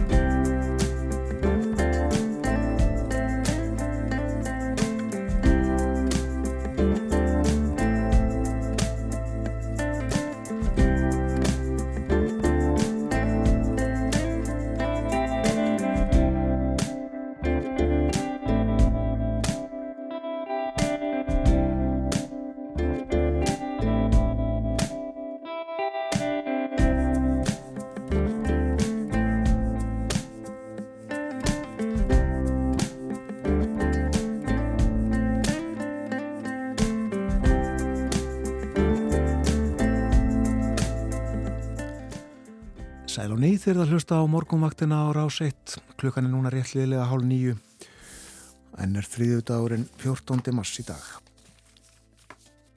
Framöndan síðasti hluti þáttarins og við ætlum að tala um fermingar. Það er komið fram í miðan mars og fermingarnar framöndan nokkur þúsund krakkar fættir 2009 fermast, ég veit ekki nákvæmlega hver margir, kannski 3-4 þúsund eitthvað svo leiðis. Þau staðfesta trúna, uh, þau sem voru skýrðin í kristna kirkju á sínum tíma. Og hér í hljóstofu 6 í útvarshúsinu er mannmart. Það má segja að fríkirkjan hafi tekið þáttin yfir. Hér eru Sigurvin Lárus Jónsson, prestur í fríkirkjunni í Reykjavík, Margret Lilja Vilmundadóttir, prestur í fríkirkjunni í Hafnarfyrði og Erna Blöndal, tónlistakona sem að starfar í báðum þessum kirkjum verðiði öll hjertanlega velkomin hingað í þáttin. Takk fyrir. Það eru annir framöndin hjá ykkur. Hvað farmast margi krakkar í, í fríkirkjunum? Herði, það er búin, búið að vera bara stöðu fjölgun hjá okkur uh, og núni í ár eru þau í kringum 200 og það er nú bara cirka helmingur fermingabatna í hafnafyrði mm. uh, eða batna á fermingar aldri, við getum sagt það svo les og það hefur verið bara fjölgun síðustu ár en svona síðustu þrjú, fjögur ár þá er þetta búið að vera svona nokkuð stöðu þessi, þessi tala. Já. Þannig að Sigurum, veistu hvað margir krakkar eru að fermast í það heila? Á landin öllu? Nei, ég hef ekki, ekki tölur við það, en, en ég veit eins og er að, að sko fermingin hefur sérstuð á Íslandi, hvað eru mörg ungmenni sem fermast. Á Norðurlöndunum eru það mun færri e, og það kemur alltaf til að því að það eru sko margir valmöguleikar í bóði, fríkirkjan er, er, er valkostur mm. e, við hinn hefbundan valkost og síðan eru önnur trúfélög eins og e, ásatrúafélagið og, og, og siðmenn sem að bjóða upp á þennan valkost og það er bara mjög mikilvægt að ungd fólk hafi þetta val, mm -hmm. ég ætla að taka ábyrð á mínu uh, lífi, uh, mínu andlega lífi uh, og, og það er hlut af því að sko ganga í gegnum þetta ferðli að byrja að taka það ábyrð, að velja hvar, hvar finnst ég ég tilhýra og, og, og, og hvað langar maður að fermast. Já, fá krakkanir eitthvað svona formlega kynningu á valkostunum eða er það eitthvað sem þau þurfa að finna út úr bara með, með sínu fólki?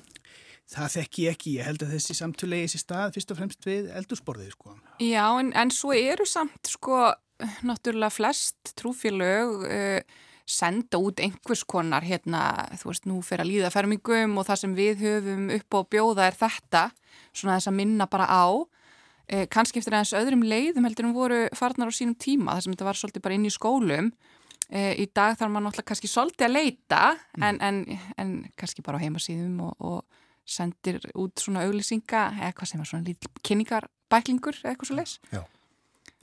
Og fermingafræslinni lokið? Já, henni loki e þessari viku hjá okkur Sko það má ekki útvarpa því hér að því að fermingaböndin mín er eftir að mæti í dag sko Svo næstu því En fermingar er að hefjast Við hefjumst uh, handa 27. mars og, og, og við 1. april Já Mm. Þannig að það er uppskýru tími hjá okkur í kirkjunum. Já, mm -hmm. og það er ekkert prófað út úr efninu, það, það ná allir, er það ekki? Við erum ekki með formli próf. Ströng próf, nei, nei en, en það er ekkert sko, svo lis. En, en það er þessi eðlisbreyting búin að eiga sér stað kannski á uh, fermingarfræðslunni, allavega eins og við höfum unniðan í fríkirkjunum, sko í staðin fyrir utanbókalærdóm og og, og það að, að sko leggja á minnið e, mikilvæg vers sem við vissulega erum að kynna fyrir ungmennum og þá er þetta fyrst og fremst samfeld. E, við bjóðum upp á vettfang þar sem að hægt er að tala um e, lífskildi, samfélagið, stóru spurningalífsins í sko örugu umhverfi við, mm. við fagfólk og við erum ofta eiga samtöl sem að unga fólkið upplifir kannski ekki að það eigi í dagstælega í sínu skóla eða frísundau. Mér finnst líka svo mikilvægt að sko fermingarstarfi snýst í rauninni ekki maður því þú talar um utan, utan bókalærdum og þetta sem að kannski var pínu þegar ég var. E, núna erum við bara einblýna á það að kynna fyrir þeim, þú veist, e, þetta umhverfi sem að er í bóði fyrir alla í gleði og sorg og, og öllu sem er þar á milli og að það eru bara öll e, börnu velkomin e, til okkar algjörlega óháð því e, hvað þau hafa á bakvissi. Mm. E, þau eru ekki að sína fram á einhverja ákveðna hæfni eða getu, þú veist, heldur bara það, e, þið eruð öll velkominn, e, ekki fyrir einhver afreg eða að fá alltaf tíu eða gera engin mistök eða eitthvað svo leiðis, mm. heldur eru við bara hér saman að ræða alls konar, alveg oft svolítið erfið mál, mm. veist, hérna, það, þetta er alveg þannig, e, í bara einhverju svona, e, já, örugu umhverfi þar sem að ég held að flest finnir sig alveg tilheyra. Já, er það við töluðum um það áðan uh, hér áðan að við opniðum fyrir hljónum að þetta er mikið breyst frá því að við fórum í gegnum þetta sín tíma. Já, sannarlega. Og ég verð að segja að hérna, mér finnst það bara svo dásamlegt og í rauninni þegar ég er ung stúlka að þá er þetta, snýst þetta allt um hefðir og maður horfið upp á kragana á prestunum og þeir voru svolítið ósnertanleir. Þetta var svolítið mikið þannig. Þannig að hérna, og síðan er ég alin upp í Hallgrímskirkju og söng þar í kór og, og var þar frá 16 ára aldri og hérna upplifið það svo að vera að byrja um að syngja í fríkirkjunni í Hafnafyrði þar sem allt einn er, er ungum aðu með, með hérna ramaskítar og ég bara, hvað er í gangi hérna? Af því ég var náttúrulega bara í klassíkinni. Má þetta? Má þetta? Og ég er ennþá, sko, ég er ennþá að eiga við þessa spurningu í dag, hérna, þú veist, hvað er viðegandi? En mm. það er nefnilega málið að við erum öll manneskjur mm. og lífið er viðegandi. Þannig að það er allt í bóði mm -hmm.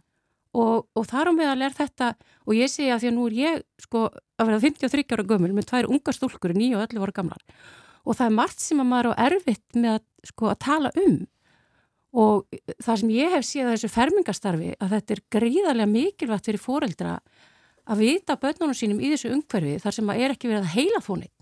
Það er bara verið að tala um hlutina, fallega og virðingu.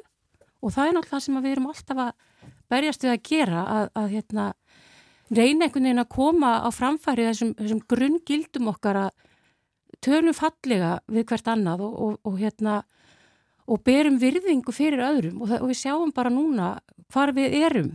Sko, mér finnst svolítið síðustu ár trúin hafa verið tekinn frá okkur, ég menna að það er bara búið að banna hana inn í skólum og eins og þetta hafi verið einhver svona heilaþottur og kannski hefur eitthvað verið óviðeigandi ef, ef hægt er að segja það, varðandi trúmála á Íslandi. En þetta hefur breyst svo mikið, Já. þetta eru bara fallið samfélög, þú veist, þú getur bara farið næstu í hvaða kirkju sem er. Fullt af fallegum samfélögum, allir að hérna, gera sitt besta og, og reyna einhvern veginn að finna þetta í hjarta sínu að, að hérna, við erum góð eins og ammast allir við við bara vera góð við hvert annað í lífinu. Gæska er mikilvæg. Já, uh, hún er öflur en ílskar eins og segir einum texta sem við syngjum í fermingunum.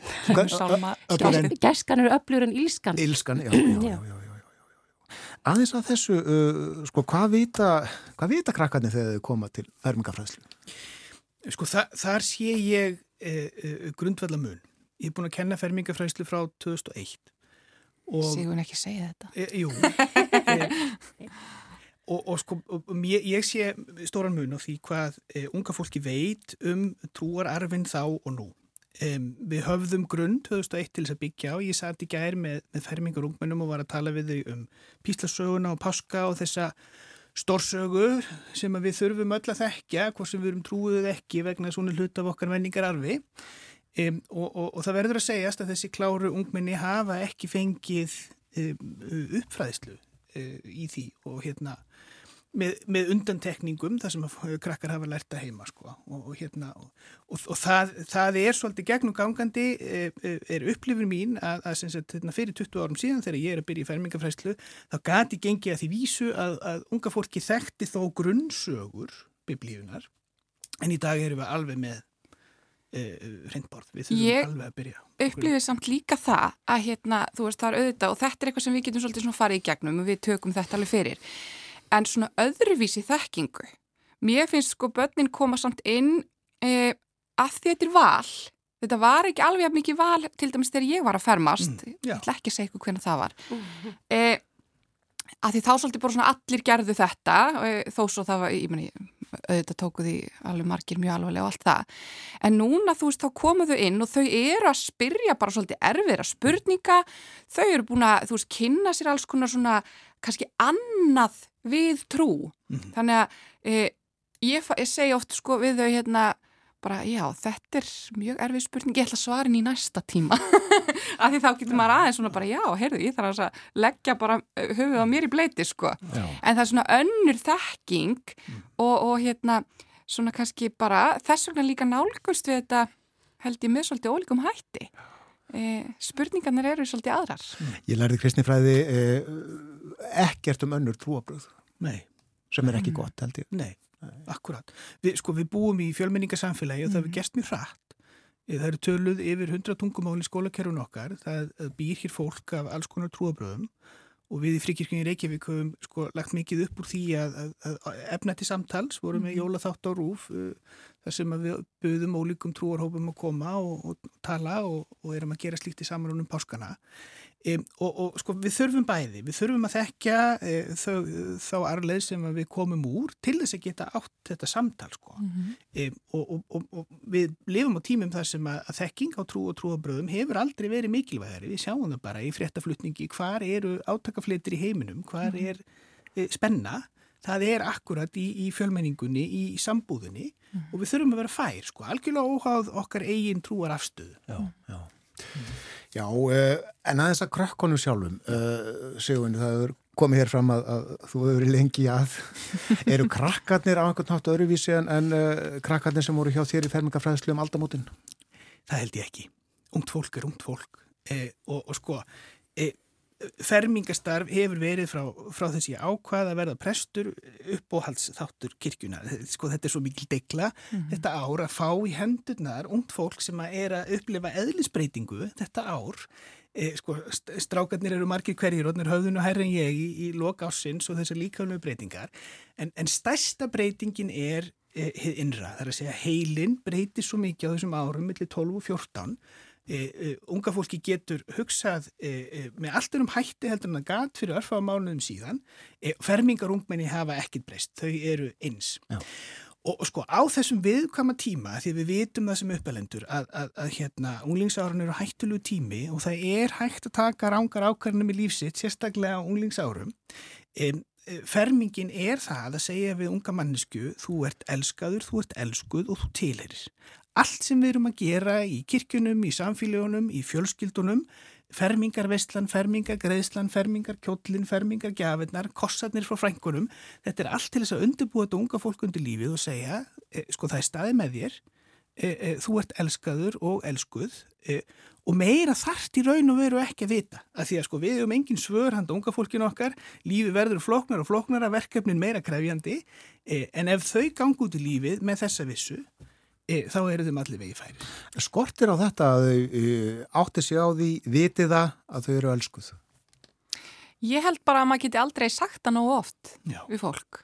Að því að þegar þú hefur þetta með þér í lífið að bara þú veist að e, öðrum þykir væntum þig og þér þykir væntum þig líka, semst að því við ræðum bæði þetta svolítið í fermingafræslinu, sko að e, sko þú ert bara elsku verð manneskja e, bara fyrir það að vera svo sem þú ert. Og þú þart ekki að gera neitt annað, bara mm. gerðu þitt besta og það sem þú getur hverju sinni. E, óháð því svo bara hvað við erum að gera og, og, og, og allt það. E, ég held að sé aldrei að tala nógu mikið um þetta, af því þegar maður veit það að maður er bara hérna, dýrmætt manneskja, þá fer maður svolítið út í lífið bara með þeim hætti og þá nálgast maður öll viðfangsefni sín út frá því mm, ja. og þá bara, þú veist, þá munir þetta allt sem að ganga vel. Svo má líka kannski vitnaði SSO, verður þú sjálfur? Já, mér, mér langar endur að segja sko að því að ég man eftir þeim tíma þar sem ég var að tala um að, að börn væru bara að fermast fyrir peningana og gjafir. Óþúlandi. Og það er eitt af því sem að ég horfi á eh, í þessu starfi okkar að það er þessi virðing fyrir þessu unga fólki. Ja. að við erum ekki að mæta þeim einhvern veginn þannig að, að þau eru, þið vitið ekki neitt. Munið bara ekki eftir þessari spurningu sjálf? Þú veist, Jú, ert, ert myndir, að fermast fyrir gafinnar Já, og þú myndir aldrei segja svona við manneski sem heldur upp á 50 samhæli sitt og segir gafir aðþakkar, skilur þú myndir aldrei segja við hennar hvað er verið að hérna. og þetta, sko, þetta segir svolítið hvernig hvernig þessi tími var. Og í dag er ég að horfa á að því að nú er ég á söngloftinu í fríkirkinu Hafnarferði mm. og sérstaklega eftir COVID-ið þá gerðist mjög merkilegi hlutir að því að við máttum ekki snertast. Mm. og þá þurfti að taka svolítið eh, finna upp nýjar aðferðir við að skýra börnin og, og hérna og það kannski segir bara svo mikið um, um kærleikan hjá þessu fólki sem er að vinna þarna að það er allt gert til að koma til móts við fólk. Og það er ekki verið að horfa þá í eitthvað sem er út frá kirkjunu hefðin segir, hefðin segir. Og það er kannski það sem að gegnum allt saman að því ég er svona Jésús kona að hann er alltaf að tala um þetta. Við erum alltaf að þróast og við verðum að fylgja fólki og getum ekki, við, það er nöðsynlegt að vera með hefðir og við til dæmis erum að syngja texta og lög alveg frá sko 16. öld mm -hmm. fram til dagsins í dag við hefum salmaskáld sem eru bara fætt þú veist 1980 og hérna og þetta er svo mikilvægt að, að þau finni þessa, hvernig þessi aðkoma er og eins og í COVID-inu að þá horfi ég á að því að við gáttum ekki gengið til alltarist þar sem að, að hérna, við fáum bröð og keks eins og, eins og hérna litlu li, bönni segja stundum heldur þurft að breyta hlutum. Og þá var ákveðið að sagt, það kemur hver fjölskylda upp með sínu barni og þar á sér stað samtal upp við alltarið og það er bara ekki tilneitt guðdómlega þá er ég bara komin í, sko, í jókatíma af því að nú er oftur að tala um hvernig hérna, með trúabröðin og, og hérna, hvað við gerum til að slaka á og finna mm. þessa þennan fríð og þessa gleði í hjartanu að það, sko, það er allstaðar tára á kvarmi og þarna eru tær fullona manneskjur sem horfa á fjölskylduna í, í augunáðum og segja mikið óskaplega er barnið eitthvað fallegt til hamingi með þennan hérna, fallega dag mm. og svo horfaðu á barnið og segja sjáðu þetta er fólkið horfið í kringu þið, þetta er fólkið sem stendur með þér ja. og, þetta, og, og þetta er kirkjaðinn og við mm. stöndum öll með þér og við mm. viljum hjálpa þér í gegnum lífið. Þannig að bæði undirbúningurinn og uh, fermingin sjálf, þetta er uh, betra, miklu betra heldur en var þegar já, þú varst þetta. Sko það er náttúrulega gott að maður sé alltaf að þróast fram. Já, bara aðri hérna tímar. Læra, læra af alls konar hluti. Já, þetta eru bara aðri tímar og eins, bara eins og með tónlistina, það er við erum, sé, við erum að syngja texta og, og, hérna, og lög frá ólíkum tímum þannig að við erum líka að byrja virðingu fyrir fortíðina því að við viljum sannarlega halda upp á okkar hefðir og við eigum að byrja virðingu fyrir því sem var áður. Hvað finnst krökkunum um 200 ára gamla sal salma? Sko við náttúrulega erum með alveg frábæra, frábært tónlistafólk í dag og mikið mentað og, og tónskáld og hérna, fólk sem er að, að til dæmis að ratsetja og það bara getur hérna gert e, bara eins og hjá í fríkirkjunni Reykjavík sem ég er að syngja hjá Gunnar Gunnarsinni sem er mikil jazz píjónuleikari að þar verða bara þú veist hvæði e, hérna eftir Óla frá söndum bara og lög hérna það verður bara svona jazzy og, og veist þannig að það skiptir ekki máli það bara skiptir máli þessi, þessi fallegi tótt byrja lög og texti ef að þetta fjallar allt um kærleika, þetta fjallar allt um að ég reynum nú að hérna, vera svolítið góð við hvert annað á þetta. Það er bara svo merkilegt að því maður upplifir svo oft að fólk kemur og sko, verðist vera pínu hissa. Já. Heri, það var svo gaman. Já. Mm. Og maður alveg, já, ég veit. Einhvern tíma fór ég í, í hérna, ég fór einhvern tíman í fermingu sem var reyndar of mikið fyrir mig því þetta var tveggja tíma og það er nú eitt. Að hérna að reyna að hafa sem fæst börn, mér finnst það mjög mikilvægt mm. í hverri aðtöfn. Því að ég fór í, í hérna, fermingu þar sem að, að tók tvo tíma og það bara má ekki. Það er bara mín skoðum. Tvisa sér um fæðvorið en á leiðinu út úr kirkjunni þá var spila du og það sem maður sá bara svona börni bara förum út í þennan lífið veist, þannig að tónlistin hún liftir öllu upp á herraplan Það má, má vera gaman í kirkjunni. Já, Já Það á að vera gaman. Það á að vera gaman.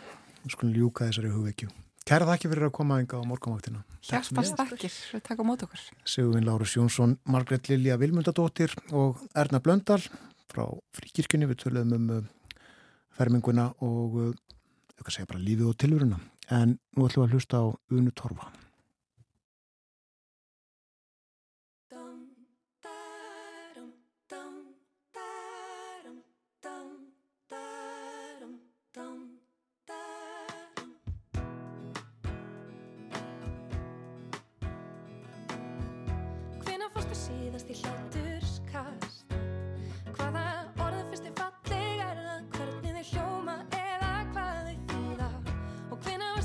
síðast ónaleg Hvað er það við stað sem gerir hann kósi? Hvað fyrst er erfitt en gefandi?